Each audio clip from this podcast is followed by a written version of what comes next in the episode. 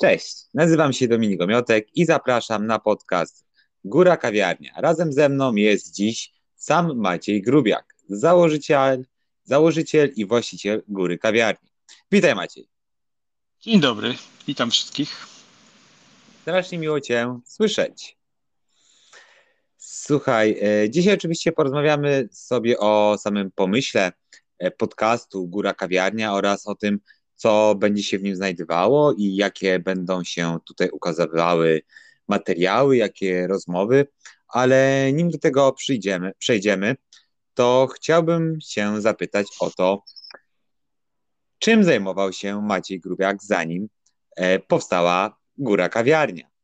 Przedstaw swoją historię nam tak pokrótce, bo jest bardzo, bardzo ciekawa, interesująca i myślę, że wiele osób, które będzie słuchało tej rozmowy, nawet nie ma świadomości, czym się wcześniej zajmowałeś.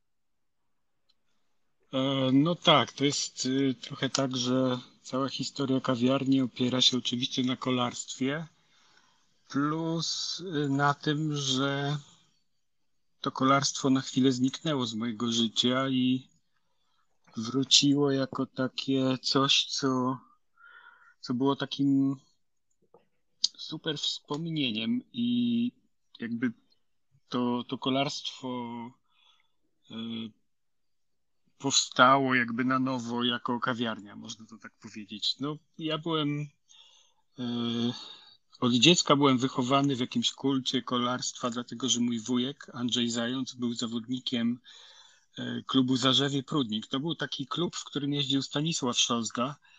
To było bardzo blisko Nysy, ja pochodzę z Nysy i on tam trenował i startował w wyścigach, miał bardzo dobre wyniki i u niego w domu, w takim domu e, moich dziadków była cała ściana pokryta trofeami, które on zdobył z jakimiś e, wieńcami laurowymi. To wszystko było dla takiego dziecka niesamowite i ja nie wiedziałem, co to jest, ale chciałem zostać kolarzem.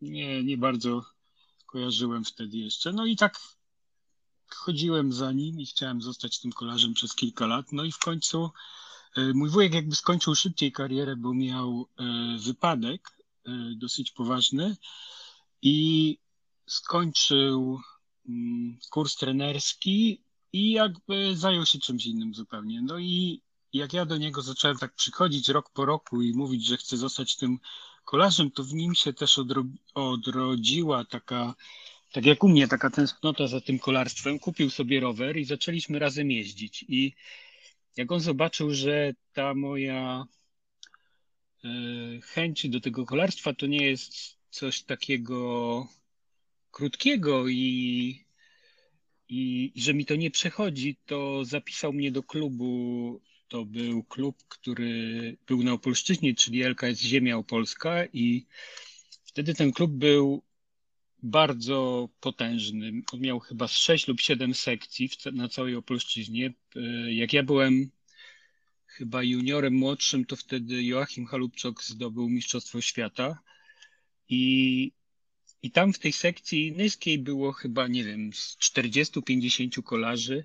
Także to był olbrzymi klub. Pamiętam, że jak jechaliśmy na jakiś wyścig raz, to były dwa autobusy kolarzy z, samego, z samej ziemi opolskiej.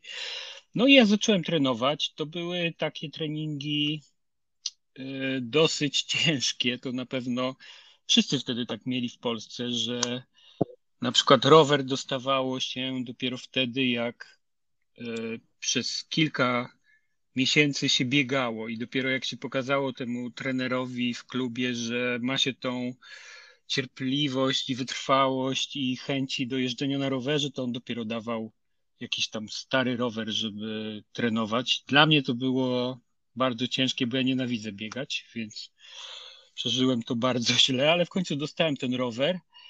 No i e, zacząłem jeździć na te treningi mm, z klubem. Natomiast też tam była taka sytuacja, że mój wujek był jakby taką osobą trochę z boku klubu i tak jakby mnie tam w trochę wcisnął po znajomości i w klubie poszła taka fama, że jakby mają mnie urwać, więc pamiętam mój pierwszy trening z klubem jako młodzik. Dostałem rower nie wiem nawet co to było, bo on był tak stary, że tam już nie było napisów. Pamiętam, że miał korby na kliny, to był pewnie jakiś Jaguar albo jeszcze coś innego. Taki rower, na którym jeździło wcześniej 20 zawodników i tam co roku miał zmieniany osprzęt, bo ten, który się już zużył, to był wyrzucany i tam zakładali jeszcze jakiś inny osprzęt, który dawał radę.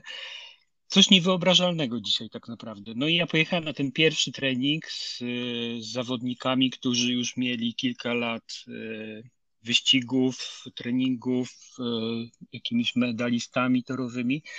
I oni później mi się przyznali, że ten trener, który tam wtedy był tym trenerem klubowym, powiedział mi, że mnie trzeba urwać na tym treningu. I ja pamiętam ten trening, do dzisiaj jechaliśmy taką rundę tam koło Nysy, to tam są takie krótkie chopki, które mają tak 500-600 metrów po 5-6% i taka runda, że co chwilę jest taki podjazd. I ja tam strasznie cierpiałem. Po prostu pamiętam to jak dzisiaj, że no ledwo jechałem. Tam odpadali ci zawodnicy, ja się trzymałem tego, tego peletoniku i w końcu tak, kiedy już miałem strzelić, to yy, poluzował mi się klin w korbie i korba zaczęła mi uderzać o ramę i ja mimo wszystko cały czas jechałem z tą walącą korbą, aż w końcu jeden z tych najstarszych zawodników, seniorów podjechał do mnie i mówi zatrzymaj się, bo to były czasy, kiedy jeździł za nami wóz e, serwisowy jeszcze, to była nywka, to prawda, no ale zawsze tam trener jechał z jakimiś kołami i z, z narzędziami i on mówi, zatrzymaj się, to on ci to naprawi. I ja się zatrzymałem, on tak spojrzał, mówi, nie, tu już jesteśmy przed domem, sobie to w domu naprawisz.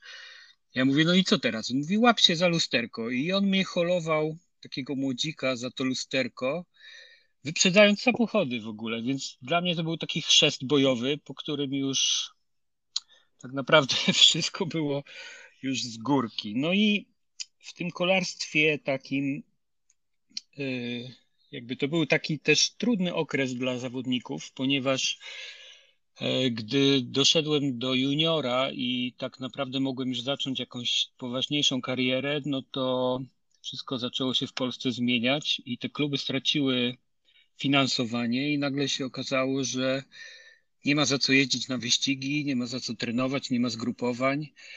No i y, było naprawdę ciężko, a ja też zacząłem wtedy się pasjonować fotografią. No i tak trochę byłem rozdarty i, i to kolarstwo też, yy, ja bardzo dużo wygrywałem wyścigów. To było tak, że jak jechałem na wyścig, to prawie zawsze stałem na pudle i albo byłem pierwszy, albo drugi, albo trzeci, więc każdego wyścigu coś przywoziłem i też miałem takie wrażenie, że to wszystko tak łatwo przychodzi i zacząłem trochę yy, mniej trenować i trochę to ta fotografia. No i w końcu stwierdziłem, że kończę karierę i startuję do szkoły filmowej. No i dostałem się do tej szkoły i zacząłem zupełnie inny etap w życiu, czyli zacząłem kręcić filmy i przez kilkanaście lat y, zacząłem pracę z kamerą filmową. Zacząłem od takich y, prostych y, rzeczy jak newsy w telewizji. Pracowałem przez chyba trzy lata w Stanach w telewizji takiej newsowej, potem wróciłem do Polski, tutaj pracowałem w TVN 24, potem przyszedłem do takiego działu reportażowego, tam zaczęły się filmy dokumentalne, potem jakby kolejnym etapem były jakieś poważniejsze seriale fabularne, teatry telewizji, filmy fabularne, no i to tak się ciągnęło. Tego było naprawdę niesamowicie dużo. Z kamerą przejechałem właściwie cały świat i byłem naprawdę w super ekstremalnych sytuacjach, bo tak jak kiedyś liczyłem, to w Ameryce Południowej, jakbym policzył wszystkie wyjazdy na filmy, które tam kręciłem, to chyba longiem bym siedział tam z rok czasu. I to zwykle były takie wyjazdy, że siedzieliśmy miesiąc gdzieś w dżungli z jakimiś Indianami albo mm, gdzieś w Amazonii. Te, i to wszystko bardzo fajnie wygląda, znaczy dobrze się tego słucha, natomiast y, te wyjazdy są bardzo obciążające dla organizmu. I ja to czuję do teraz, że ta praca z ciężką kamerą, kiedy to wszystko trzeba nosić na, na ramieniu i jakby mój kręgosłup, który się wygiął, nie wiem, prawe oko, które jakby mam takie, czuję, że dużo gorsze od tego, że cały czas trzymałem przy, przy lupie kamery. No to wszystko jakoś tam ob, obciążyło bardzo. Yy, mój organizm i w pewnym momencie miałem taką sytuację, że kręciliśmy film fabularny na hali w Warszawie, e, na Chełmskiej i akurat był jakiś przypadek, że musiałem oddać samochód do serwisu i, i stwierdziłem, a tu pojadę sobie rowerem. No i tak pojechałem tym rowerem.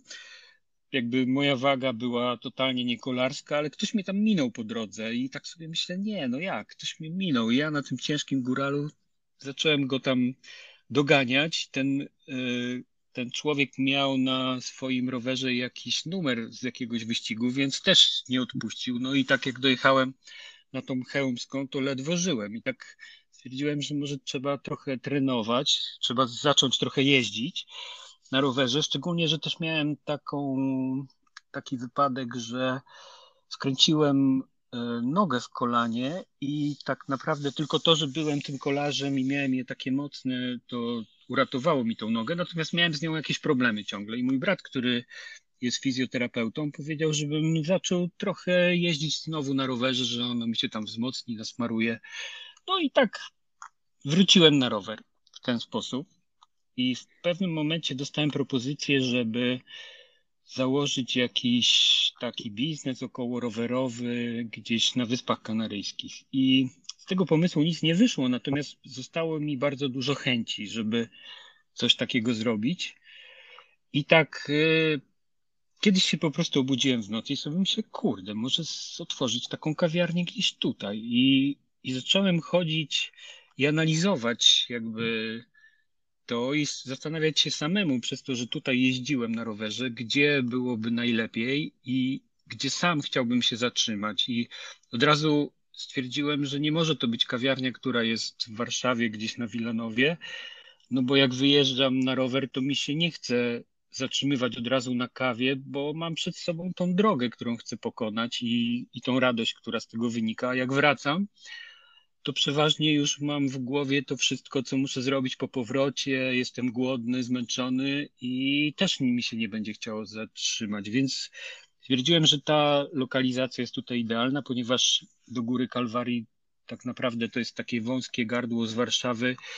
Y, to są takie boczne, boczne drogi, które wyjeżdżają. Właściwie to jest chyba taki jedyny wyjazd z Warszawy tutaj na południe. No i, i w górze jest taki tak naprawdę jeden z niewielu podjazdów na Mazowszu, który przez moment ma 12%, więc ta kawiarnia jest taką nagrodą za to. No i zacząłem chodzić po, po mieście i szukać jakiegoś lokalu, bo w ogóle nie znałem góry i znalazłem taki lokal, który był idealny, natomiast był totalną ruiną. I naprawa, jakby remont tego trwał strasznie długo. Ja już miałem tyle tam. E, myślałem, że to się nie uda, tak naprawdę. No ale w końcu się udało i, i to jest coś niesamowitego, co jakby kawiarnia zrobiła, bo. Trochę mi, przepraszam, trochę mi popsułeś koncepcję. Miałem u ciebie nie pytać o to, skąd pomysł na y, górę, bo wszystkie artykuły, które czytałem, czy z którymi, na które napotkałem, wywiady z Twoją osobą, a jest ich naprawdę już e, bardzo dużo. I pierwsze pytanie, które w większości tych artykułów było zdawane, skąd pomysł na górę? No ale już sam opowiedziałeś tą y, historię. Ja powiem szczerze, że jak poznałem Cię, to jeszcze bardziej niż sama ta historia kolarska, Twoja historia kolarska fascynowała mnie, e, fascynowało mnie to, co robiłeś poza tym kolarstwem, czyli to Twoje podróżowanie z kamerą i miejsca, w których, w których byłeś, które widziałeś, których dotykałeś, te przygody, o których mi opowiadałeś, to było coś fantastycznego, ale o tym pewnie można byłoby całą książkę napisać. Natomiast no, fantastyczna historia. To, to jest też tak trochę, no bo jakby to podejście do kawy i do kawiarni też wynika trochę z tych podróży, ponieważ zawsze na tych filmach jest tak, to czasami były takie bardzo dołujące tematy. Byliśmy gdzieś w jakichś miejscach, gdzie no, jakieś ludzkie tragedie, żeśmy filmowali. I ta kawa, ta przerwa w zdjęciach była zawsze takim oddechem. I, i to się bardzo pamięta, bo to jest, to jest jakiś taki przerywnik. I też jakby y, niewiele osób sobie zdaje z tego sprawę, że praca operatora polega na ciągłej y, takiej aktywności i ciągłym szukaniu szczególnie w filmie dokumentalnym, ciągłym, w ciągłej takiej gotowości. Tam nie ma tak jak ma na przykład, nie wiem, dźwiękowiec albo oświetlacz, że postawi lampę albo nagra coś i sobie schowa ten sprzęt i, i nie musi uważać, tylko operator musi cały czas szukać czegoś, co może się przydać do filmu. Czyli tak naprawdę zaczyna się film, wpada się w taką mantrę i i dopiero gdy reżyser wieczorem przy kolacji na przykład powie, dobra, jest jakby po zdjęciach, odstawiam kamerę i mogę, mogę się y, trochę tak jakby zregenerować i odpuścić. Natomiast właśnie też te przerwy takie na kawę, kiedy już wszyscy mieli dosyć i dobra, idziemy na kawę, coś wypić, to zawsze wtedy przez to, że też praca operatora polega na tym, że się dużo obserwuje i analizuje to, co się dzieje, żeby złapać jakieś sytuacje i jakby czyta się jakby zachowanie człowieka, to ja też zawsze na tych kawach obserwowałem obserwowałem to wszystko, co się dzieje wokół tej kawy i zauważyłem, że ta kawa nie smakuje mi czasami w najlepszych restauracjach, gdy jest niemiła obsługa albo jest coś tam, coś nie tak zgrzyta, a czasami beznadziejna kawa smakuje super, gdy podana jest serdecznością. I, i pamiętam taką sytuację, jak gdzieś pod Rio de Janeiro, żeśmy robili jakieś zdjęcia i mieliśmy właśnie taką chwilę na kawę i nasi bohaterowie nas zaprosili do siebie do domu prywatnego i pijemy tą kawę, a ja się pytam, kawa była niesamowicie smaczna i pytam się takich skąd skąd wy macie tą kawę, gdzie ją można kupić? A oni z taką konsternacją mówią, że pokazują mi za oknem, że no tutaj rośnie na drzewie i oni ją na patelni wypalają. Więc jest... takich sytuacji było bardzo dużo. Ten kult picia kawy naprawdę ma coś w sobie. Taki, taka, dla mnie kawa jest y, osobiście taką e, chwilą przerwy, ale faktycznie ważne jest to, gdzie tą kawę pijesz i jak tą kawę e, pijesz. Gdziekolwiek bym się na świecie, na rowerze nie zatrzymywał na kawę, to zawsze w trakcie treningu czy w trakcie jazdy na rowerze ta kawa ważniejsze jest dla mnie samo miejsce niż smak. Oczywiście w Polsce jest zupełnie inaczej. Jak piję kawę w Polsce, to przede wszystkim czy w domu, to przede wszystkim smak i pieczołowicie ją e, staram się przyrządzić. Natomiast faktycznie, jeżeli jestem gdzieś, to kawa to przede wszystkim miejsce i ludzie, którzy są dookoła. No super. Maciej, a chciałbym Ci zadać takie pytanie, czym wobec tego jest dla Ciebie sama góra kawiarnia? Czy jest to miejsce, gdzie się przyjeżdża zdobyć wiedzę kolarską, czy jest to miejsce, które, w którym się poznaje ludzi, z którymi się wymienia doświadczenia, czy jest to miejsce po prostu, do którego się wpada, wypić pyszną kawę, naprawdę przepyszną kawę i zjeść cudowne, słodkie ciasto, naładować się węglami i jechać dalej, czy może Góra Kawiarnia już jest tak kultowym miejscem, że wpada się tam zrobić tylko relacje na Instagrama i, że tak powiem, podbić swoją obecność, pokazać się w mediach, że się tam było, byłem, odhaczyłem, jadę dalej. Jak ty postrzegasz to miejsce i jak postrzegasz je oczywiście w perspektywie tych kilku już lat, które, mm, na, przez które no, góra istnieje, góra kawiarnia? Miałem, miałem e, to chyba w zeszłym roku na e, jakoś tak na, w podobnym okresie byłem akurat na treningu e, z Michałem Kwiatkowskim i wpadliśmy właśnie do góry i, i zamówiliśmy coś, staliśmy normalnie w kolejce, zamówiliśmy sobie coś ja tak usiadłem przy stole i tak spojrzałem na tą górę jako taki kolarz, który przyjeżdża i tak bo zwykle jak tam wchodzę, to widzę jakieś niedociągnięcia, zaraz chcę coś tam poprawić, odnieść jakiś, e, jakąś filiżankę. I, I tak usiadłem z nimi, tak zacząłem oglądać wszystko i tak mówię do Michała, kurde, jestem tu pierwszy raz jako gość, tak naprawdę.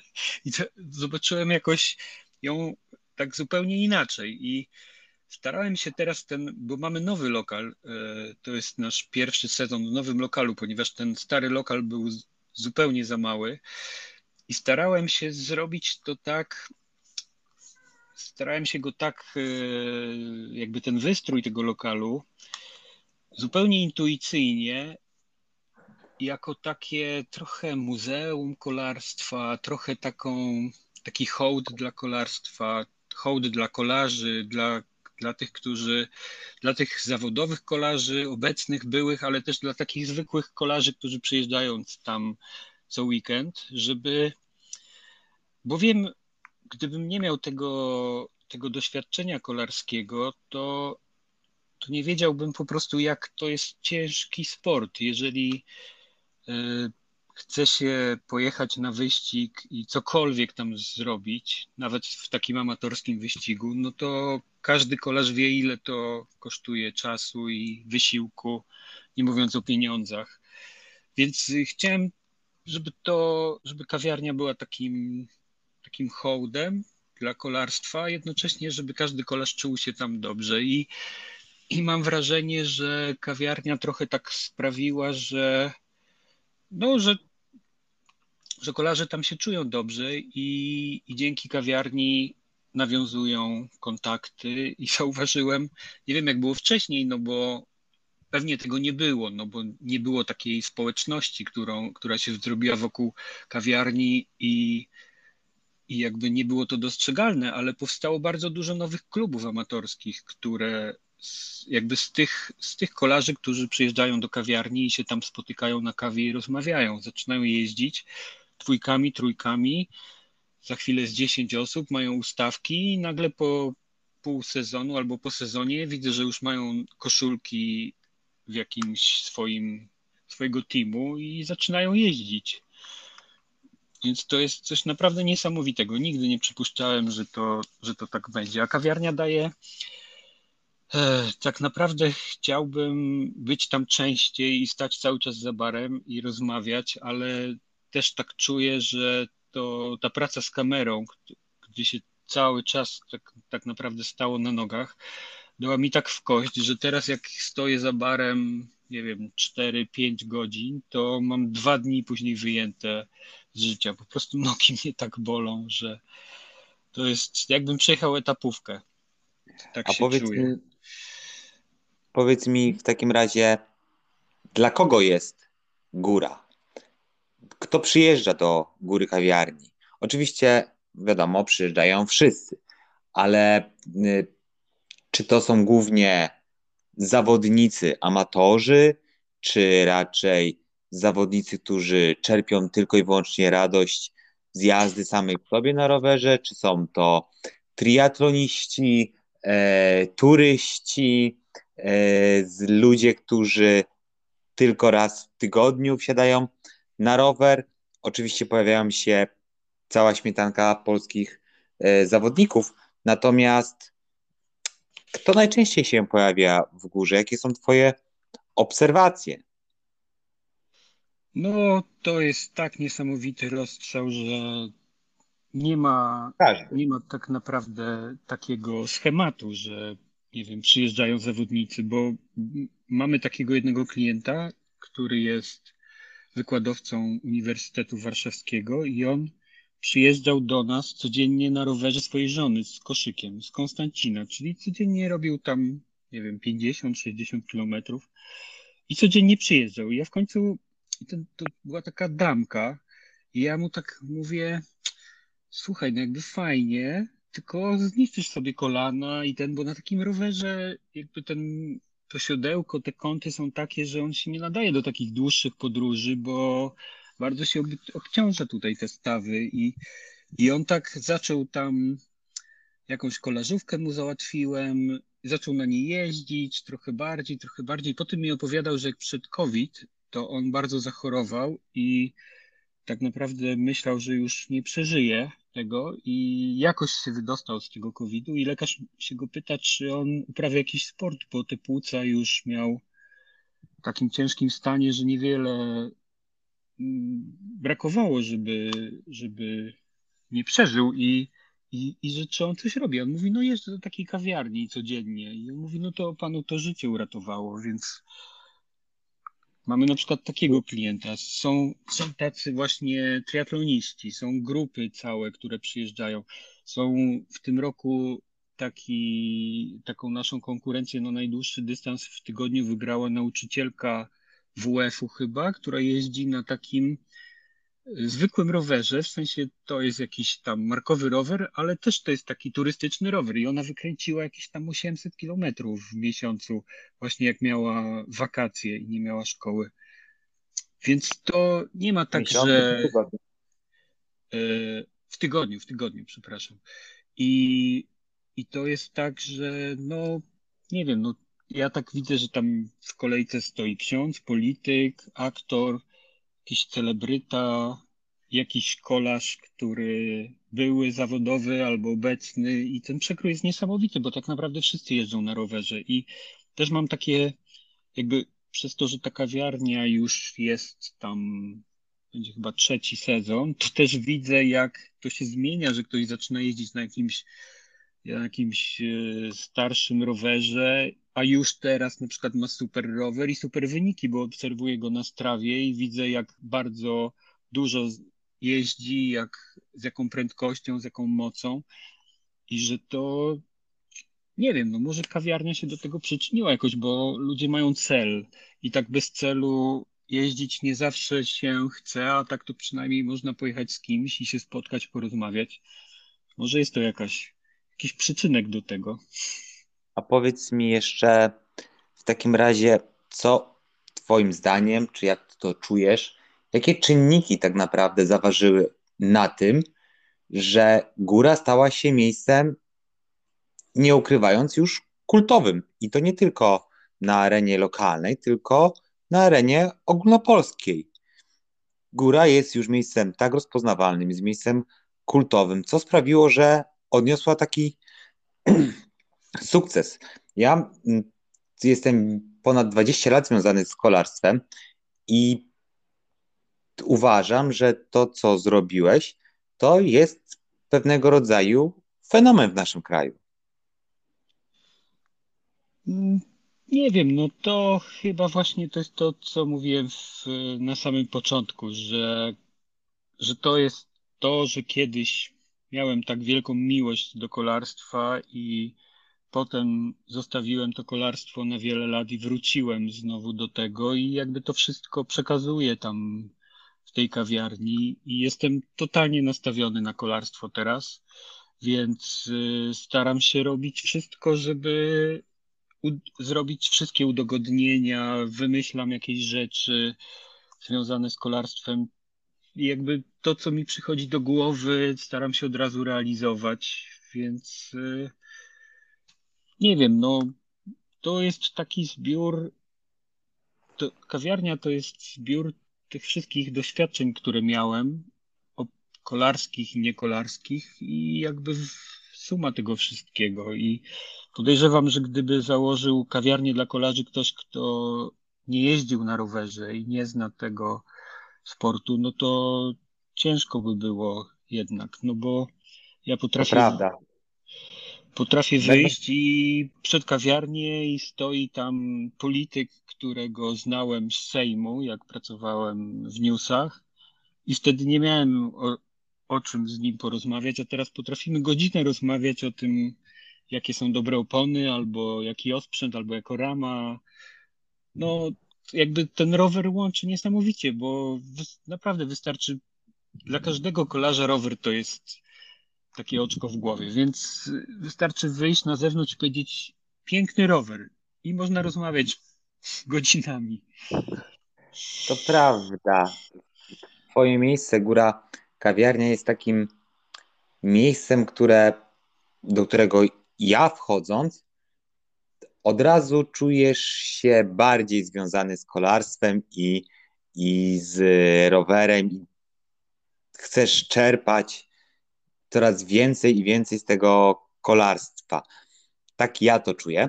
Natomiast chciałem się w takim razie Ciebie zapytać, chociaż wydaje mi się, że poniekąd już samo odpowiedziałeś na to pytanie.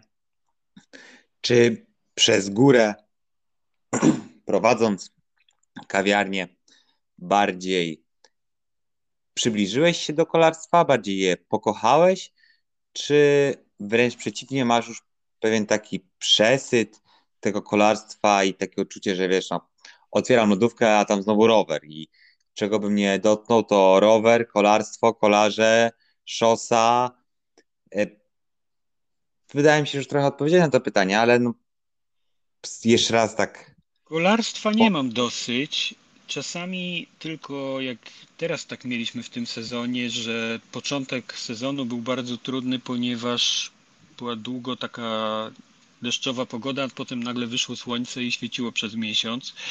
I nam nagle ten sezon się zaczął, a że to był pierwszy sezon w tym lokalu, to też nie wiedzieliśmy, jaki będzie ruch i nie mieliśmy ludzi do pracy, więc ja pracowałem na cztery etaty i próbowałem jeszcze trenować, jeździć na wyścigi. W pewnym momencie, gdy pojechałem na chyba na Majkę, na starcie przed tym wyścigiem, który miał, e, który miał być eliminacjami do Mistrzostw Świata, na które chciałem pojechać, to na starcie byłem tak zmęczony, że gdybym na chwilę się położył na kierownicy, to bym zasnął i stwierdziłem, że muszę odpuścić w tym sezonie poprzednim jakby starty na jakiś czas, no bo nie byłem w stanie tego pogodzić. No i, no i wtedy miałem taki kryzys, że już miałem dosyć, ale nie kolarstwa, tylko jakby pracy, bo, bo tej pracy było bardzo dużo, bo z, otworzyliśmy jeszcze tam bliżej Konstancina taki punkt y, y,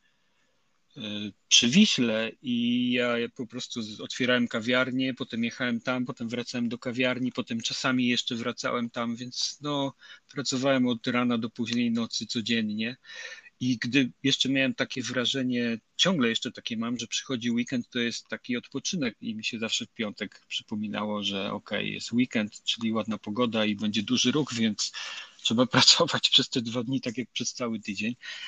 No i to się bardzo kumuluje, taka, taka praca. No mam nadzieję, teraz y, zgromadziliśmy trochę pracowników przez ten sezon. Mam nadzieję, że będziemy ich mieli więcej i że może nie będzie aż tak dużo pracy, więc jakby sama praca w gastronomii jest trochę bardzo trudna i to też jest dla mnie, bo ja też oczywiście tak jak każdy miał, miałem takie wyobrażenie, że jak się otworzy kawiarnię, to będzie równoznaczne z tym, że sobie pójdę do kawiarni, usiądę i będę pił kawę. Okazuje się, że tą kawę mhm. wypija się gdzieś tam w biegu albo w ogóle, a robi się tysiąc innych rzeczy naraz. I w, oczywiście w niedzielę, kiedy jest największy ruch, wszystko się psuje. I, no i tak to wygląda od tyłu, więc pracy jest bardzo dużo, ale kolarstwo jakby coraz bardziej, nawet bardziej jeszcze kocham niż wcześniej i mam nadzieję, że w tym sezonie trochę po, pojeżdżę na wyścigi i już zacząłem trenować. Nawet mam trochę już kilometrów w styczniu. Całkiem dużo, więc jestem pozytywnej myśli to zadam Ci jeszcze takie pytanie, bo ja swoją historię czy moją przygodę z kolarstwem zacząłem już ponad 20 lat temu i te ponad 20, ponad 20 lat temu, to w moim odczuciu, rowery były dwa, szosa i MTB. Jeden i drugi raczej kojarzył się z trenowaniem, przynajmniej takim trenowaniem czy jazdą w celach wyścigowych, jakiejś mniejszej bądź większej rywalizacji, nawet na treningach. Nie było czegoś takiego jak kolarstwo romantyczne czy coffee ride. E, jak spotykaliśmy się, czy spotykało się ludzi związanych z rowerem, to spotykali się raczej już po treningu na e, tak, no na piwie, bo wtedy to tą kawa, kawa była raczej taka rozpuszczalna bądź parzona najczęściej, gdzieś w, knajpach jeszcze, ale na piwie i rozmawiano o treningu, ewentualnie o swojej przyszłości dawnej z kolarstwem. I tak to wyglądało, tak wyglądały spotkania kolarzy po, po treningu. Jak spotykało się kogoś na drodze, przynajmniej w województwie łódzkim, skąd pochodzę, na rowerze szosowym, to wiadomo, że jest to znajomy, bo tak mało osób jeździło na rowerze i to była bardzo taka hermetyczna i wąska grupa. Jak chcieliśmy się, jak chciało się czegoś dowiedzieć o kolarstwie, to jechało się do Krzyśka Sujki do sklepu i tam na pewno się kogoś ciekawego e, spotkało, ewentualnie w Pawienicach, w takiej małej miejscowości pod Łodzią, gdzie mieszkam, do y, Tadzia Szenroka i tam też się można było czegoś o kolarstwie dowiedzieć. Dzisiaj na rowerze, zwłaszcza na rowerze szosowym, jeździ no mnóstwo osób. To kolarstwo się na przestrzeni tych lat rozrosło, pojawił się obrus bardzo popularny stało się tak zwane kolarstwo romantyczne i coraz częściej wychodzimy na coffee ride. To kolarstwo niewątpliwie się zmieniło w moim odczuciu. Jak ty postrzegasz te zmiany w kolarstwie? Czy są, czy jest na pewno inne, ale czy to by się bardziej podoba, czy mniej? Albo inaczej, czy co ci się w nim bardziej podoba, które zmiany ci się bardziej podobają, a czy są jakieś rzeczy, które podobają ci się mniej niż te 20 czy 15 lat temu, kiedy zaczynałeś swoją historię z kolarstwem?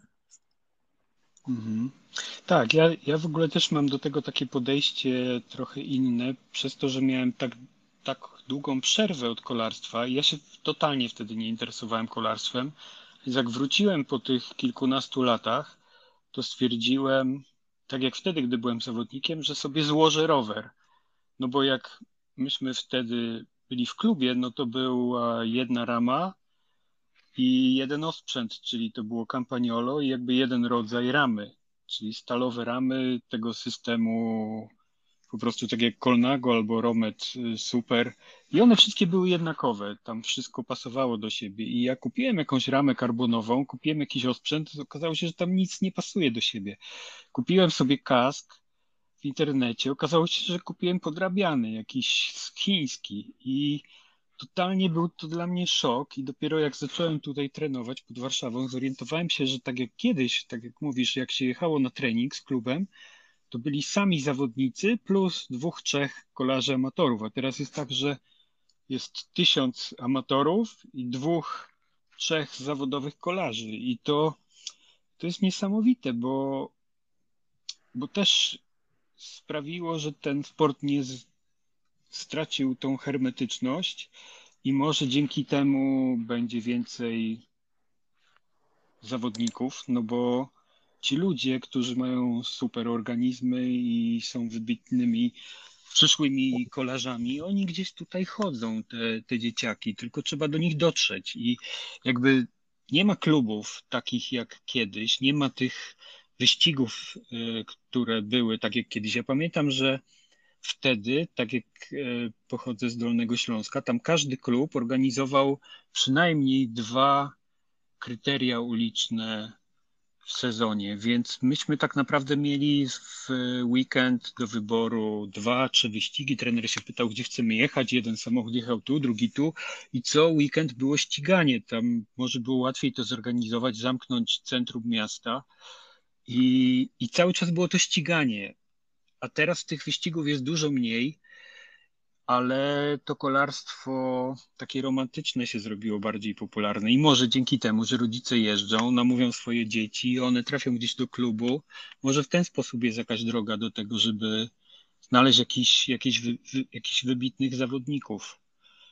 Ale też to może jest tak, że mm, jakby Związek Kolarski, Polski Związek Kolarski mógłby też wykorzystać bardziej popularność kolarstwa amatorskiego, tak mi się wydaje, że tak jak w tym roku dostrzegłem to jadąc na wyścigi amatorskie, jak wiele osób zaczęło w tych wyścigach uczestniczyć, że tak jak kiedyś na, na tej popularnej serii ZTC tutaj wokół Warszawy było czasami taki mały peletonik, że no aż śmieszny, no to w tym roku już naprawdę to były potężne peletony, a już nie mówiąc o tych wyścigach tam na południu Polski, gdzie startuje po 200-300 osób.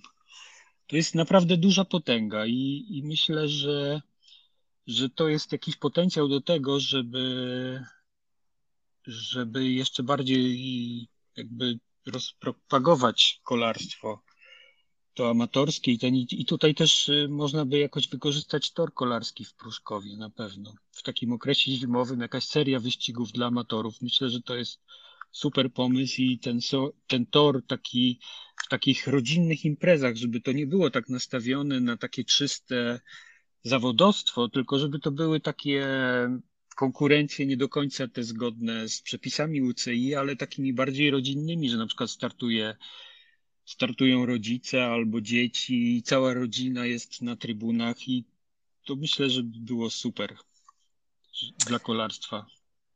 To w takim razie, jak już powiedziałeś... Ale ja nie, nie chcę tego organizować, broń Boże, bo już nie mam na to czasu. Nie, nie, nie, nie, nie. nie.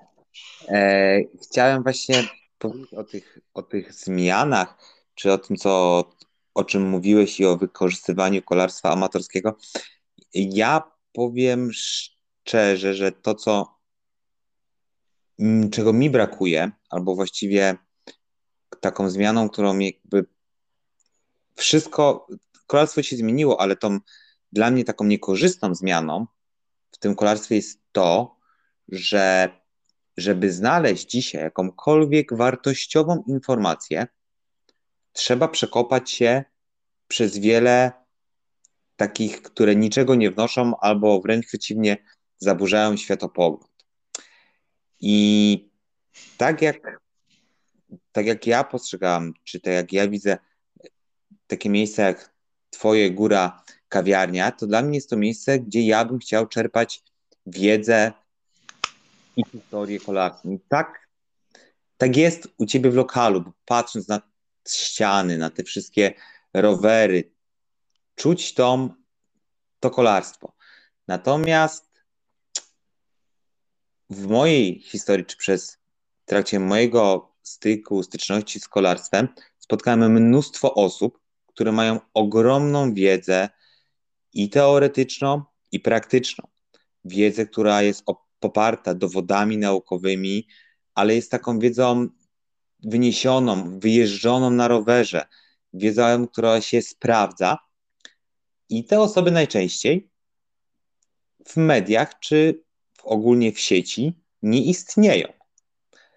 Dlatego stąd też y, chciałem kilka lat temu y, zrobiliśmy coś takiego z Bartkiem Kuzarskim, jak konferencję Zostań swoim trenerem. Z różnych względów ona, zrobiliśmy tą konferencję, jakby ten temat nie został dalej pociągnięty, dlatego jakby stąd był też mój pomysł, czy propozycja, z którą do Ciebie przyszedłem na podcast, bo chciałbym, żeby ten podcast Góra Kawiarnia było, był miejscem, gdzie wyciągniemy od tych ludzi tą wartościową wiedzę, które, którą ciężko dostać. I ja mam takie, takie, taką, tak chciałem, zawsze o tym marzyłem bardzo, Natomiast jakby nie pasowało mi to do koncepcji warsztatu zdrowia, czy właśnie koncepcji do końca zostań swoim trenerem.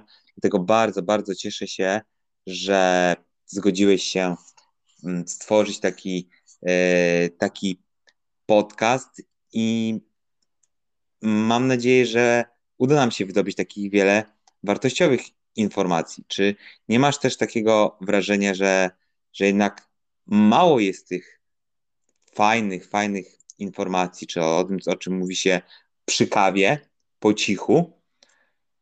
To, jest zostaje... tak, to jest, to jest chyba związane z tym, że większość ludzi, która teraz jeździ, jakby tych, e, tych, tych kolarzy, to oni mają bardzo krótki staż i nie mają tego, mm, tego doświadczenia kolarskiego, takiego klubowego, kiedy to trener ich uczył, starsi koledzy ich uczyli, jakby uczyli się sami na tych wyścigach. Tam ta wiedza, która się tam, to, to ją się tak dostawało jakby mimowolnie i ona zostaje w nas, że ja teraz jak jadę z kimś na, na rowerze, to patrząc na jego pozycję wiem, że on źle siedzi albo coś, coś ma tam nie tak, ale y, też jakby chodzi o to, że oni mają taką nieświadomość jakby historii kolarstwa, ludzi, którzy coś osiągnęli i też, też jakby może też nie są do końca nastawieni na wyniki, na wyścigi, bo też zauważyłem, że była taka sytuacja, że w kolejce w kawiarni stali polscy kolarze zawodowi z różnych ekip, akurat, akurat przyjechali i tak naprawdę nikt ich tam nie rozpoznał. I to było dla mnie szokujące w pewien sposób, prawda, że przyjechali tacy zawodnicy, którzy startują w wielkich wyścigach i oni nikt na nich uwagi nie zwrócił. Dla mnie w trakcie, jak byłem na studiach, krążyło takie prześmiewcze, prześmiewcze powiedzenie, które utworzyliśmy na Uniwerkum Medycznym Łódzkim.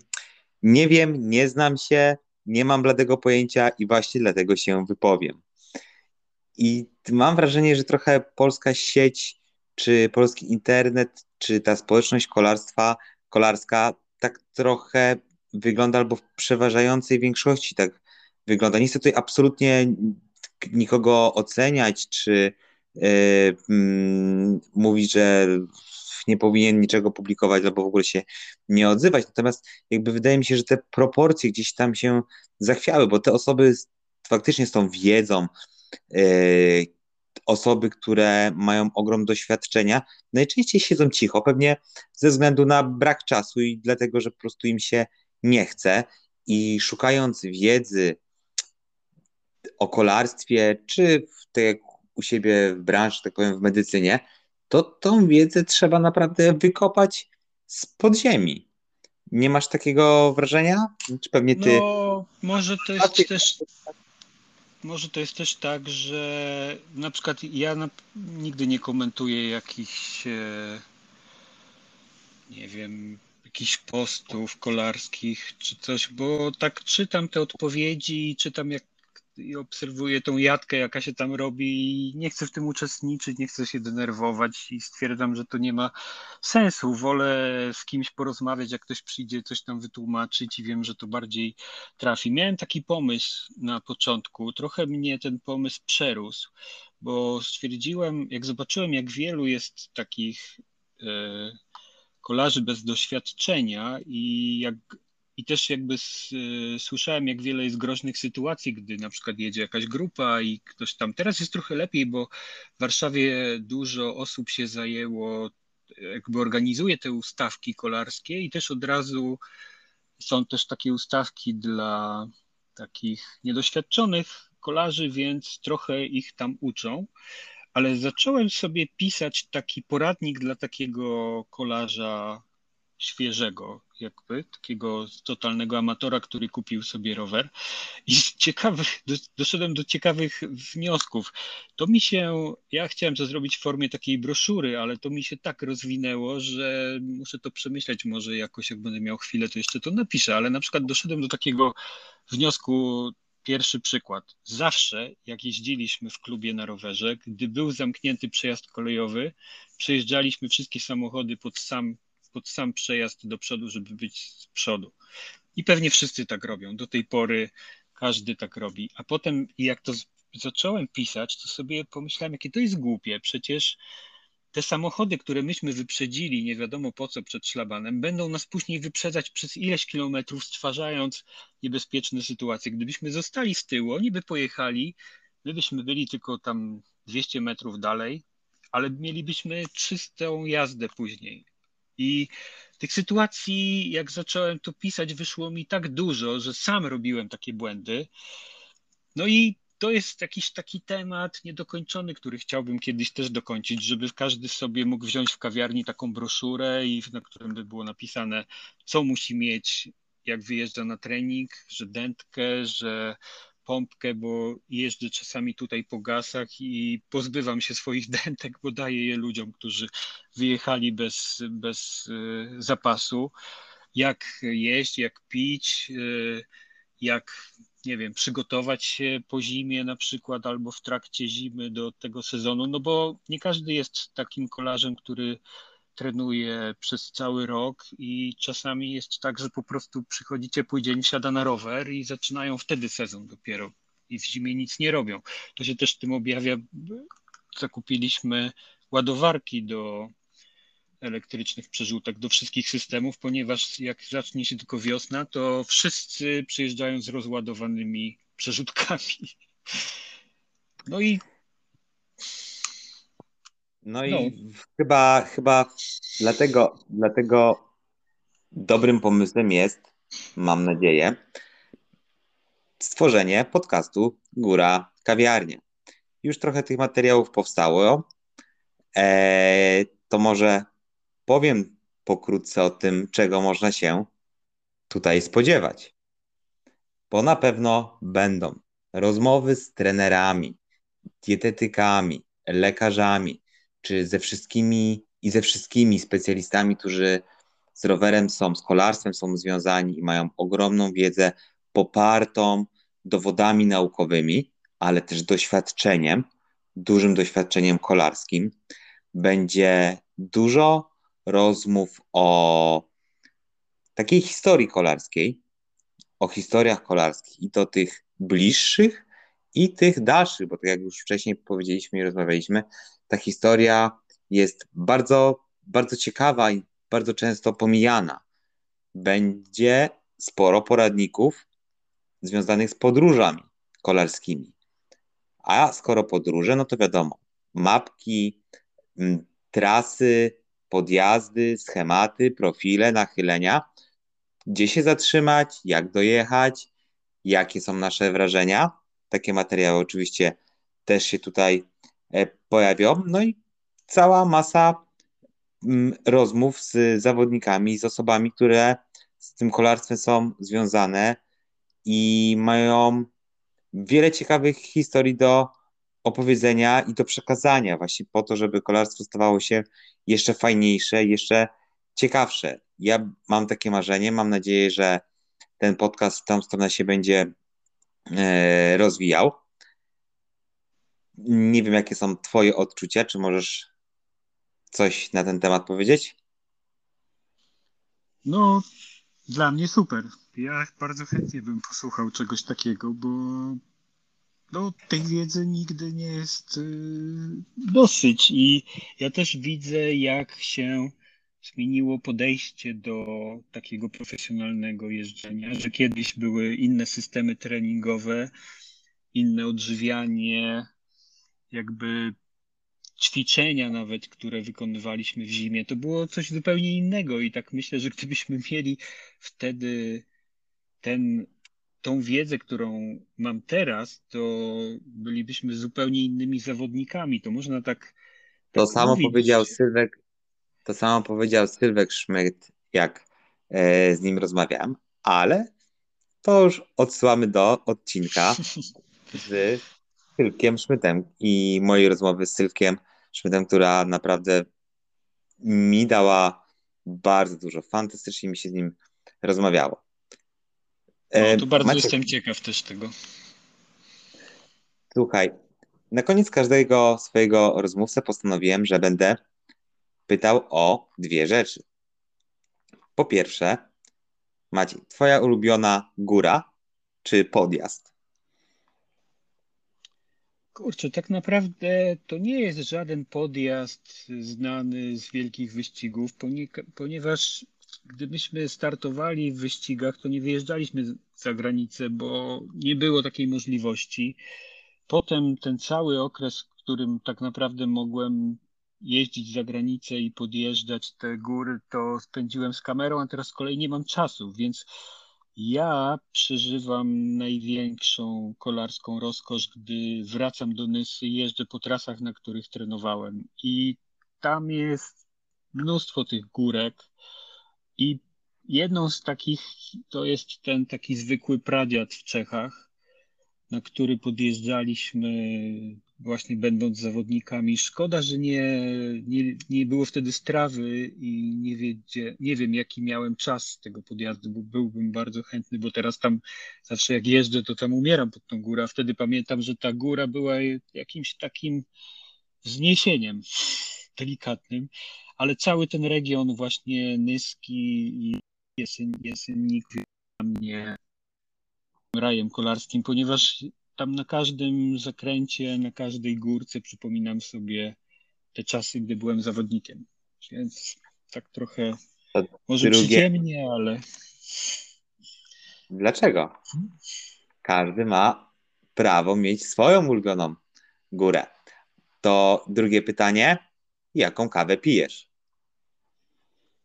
A no, teraz to piję tą kawę, którą mamy w, w kawiarni cały czas, bo też... E, Ale pijesz mlekiem, pijesz espresso, przelew... E... Właśnie piję z mlekiem jakieś mlecz, mleczne kawy, bo piję ich dużo w ciągu dnia, więc po prostu piję takie słabe kawy, żeby też się tej kofeiny dużo nie jakby nie naładować, natomiast w tym sezonie startowym staram się ograniczać bardzo kawę przed wyścigami, żeby e, później w trakcie wyścigu jakieś żele z kofeiną miały lepsze działanie, więc wtedy czasami nie piję przez tydzień czy przez dwa i chyba, że muszę sprawdzić ustawienie ekspresu i wtedy, wtedy muszę wypić e, espresso, ale espresso nie smakuje mi aż tak bardzo. Espresso to moim zdaniem jest taka kawa dla kolarzy, którą kolarz wypija w, właśnie w trakcie takiego mocnego treningu, żeby się pobudzić. A tak jak ja wpadam na chwilę, to, to nie piję espresso, bo jest dla mnie za mocne po prostu. Więc piję jakieś mleczne kawy. Teraz się przerzuciłem na mleko jakieś owsiane żeby trochę, muszę zbić dosyć sporo wagę przed sezonem, więc tak redukuję wszystko, co się da z diety. Bardzo Ci, Maciej, dziękuję za rozmowę. Mam nadzieję, że będzie to dobry wstęp do, do całego przedsięwzięcia, jakim mam nadzieję będzie podcast Góra Kawiarnia. No i co? Pozostaje nam zaprosić wszystkich, którzy słuchają nas teraz, do góry na kawę i do zobaczenia gdzieś na szosie. Super, bardzo dziękuję. Zapraszam wszystkich na rower, żeby wyszli i trochę pojeździli, bo to super działa na organizm. Wszystkiego dobrego. Dziękuję Ci Maciej. Wszystkiego dobrego.